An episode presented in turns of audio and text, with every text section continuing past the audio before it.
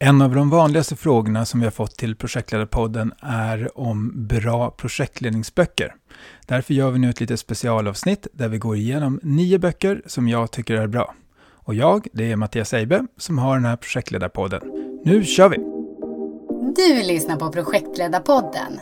En podd för dig som gillar att leda projekt och vill lära dig mer av andra om projektledning.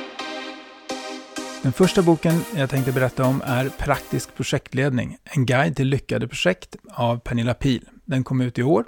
Det är en väldigt grundläggande bok i projektledarkunskap. Den är otroligt komprimerad. De går igenom fyra generella projektfaser och eh, den är på runt 60 sidor. Jag skulle rekommendera den om man vill ha en snabbt insteg till vad är projektledning, men inte så mycket mer. Den andra boken jag tänkte berätta om är Projektledning och metoder av Sven Antvik och Håkan Sjöholm. Det är en bra bok, den är på 200 sidor. Den innehåller det du behöver för att kunna certifiera dig både enligt PMI och IPMA. De går igenom de olika faserna, de går igenom lite olika metoder du behöver ha.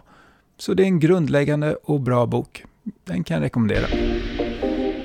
Den tredje boken jag tänkte nämna är också en grundläggande bok. Det är Projektledning från grunden av Bo Tonqvist. Den innehåller också, precis som Antviks bok, det du behöver för att veta vad en projektledare gör och hur du ska agera i de olika faserna.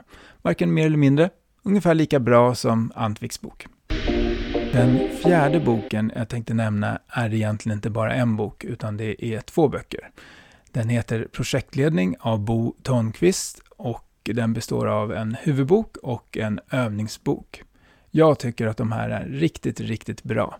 Innehåller allt det du behöver ha för IPMA och PMI, men inklusive lite kringhistorier och fördjupningar som gör att man har lättare att förstå innehållet. Övningsboken är bra att öva i inför IPMA. Det är lite dyra böcker, men som sagt, jag tycker de är bra. Den femte boken heter bara Projektledning av Annette Hallin och Tina Karbom Gustafsson. Den är utgiven av Studentlitteratur och är en typisk skolbok. Den är framtagen, känns det som, för att man ska kunna använda den på olika kurser. Jag gillar den boken för att den har olika exempel den använder genom hela boken använder den spårvägsprojektet, pacemakerprojektet, kick-off-projektet och så vidare. Så man får en större förståelse för hur det faktiskt fungerar i olika typer av projekt. För alla projekt är inte likadana. Den här är också bra, precis som många av de andra böckerna som jag nämner här. Jag kan rekommendera att titta lite i den här om ni vill ha förståelse för att eh, projektmetoder fungerar olika i olika typer av projekt. Den sjätte boken som jag vill nämna är PM Book Guide. A Guide to the Product Management Body of Knowledge. Den är skriven av Product Management Institute och den finns på svenska, den sjätte utgåvan. Jag tycker den här är riktigt, riktigt bra. Det är över 700 sidor av information.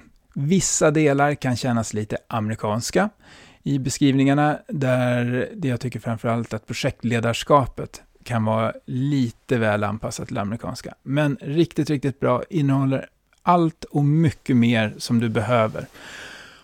I den senaste upplagan så finns det också en bra avsnitt om agil projektledning och hur den fungerar tillsammans med Vattenfall. Den här skulle jag säga är obligatorisk för alla projektledare att ha och kunna titta i. Den sjunde boken är Agile Practice Guide också från Product Management Institute.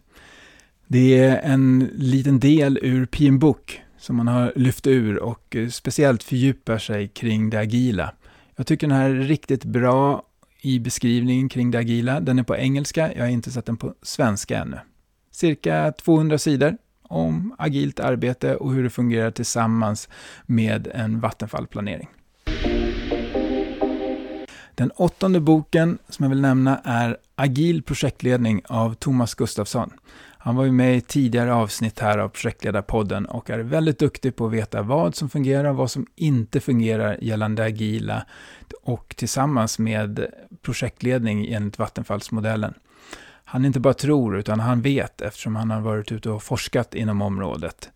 Den här boken innehåller allt det du behöver veta och eh, det finns tankesätt, eh, hur det agila arbetet ska genomföras och rent praktiskt hur det går till i verkligheten. Jag gillar den här boken, rekommenderar den verkligen. Den sista boken jag tänkte nämna är Scrum av Jeff Sutherland och JJ Sutherland. Det är helt enkelt en bok om Scrum av en av dem som var med och skapade Scrum. Jag tycker den är riktigt bra. Den ger bakgrund till hur de tänkte kring Scrum, hur det hänger ihop med Lean och det agila manifestet. Den ger en bra beskrivning för den som jobbar enligt Scrum. Sen är den amerikansk, så givetvis så beskriver den allting två, tre gånger och han är lite självgod när han skriver, men fantastiskt bra bok och trevlig att läsa. Det var allting från Projektledarpodden den här gången. Vi kommer nästa gång återgå till att ha intervjuer. Framöver kommer vi bland annat prata om certifieringar, IPMA och PMI. Ska man ha dem eller ska man inte ha dem? Vi kommer intervjua några projektledare för stora projekt, så häng kvar. Tack för att du har lyssnat på Projektledarpodden. Hör gärna av dig till oss med idéer, tips och förbättringsförslag. Det gör du enklast via mejl på lyssnare projektledarpodden.se eller vid det sociala nätverk du föredrar.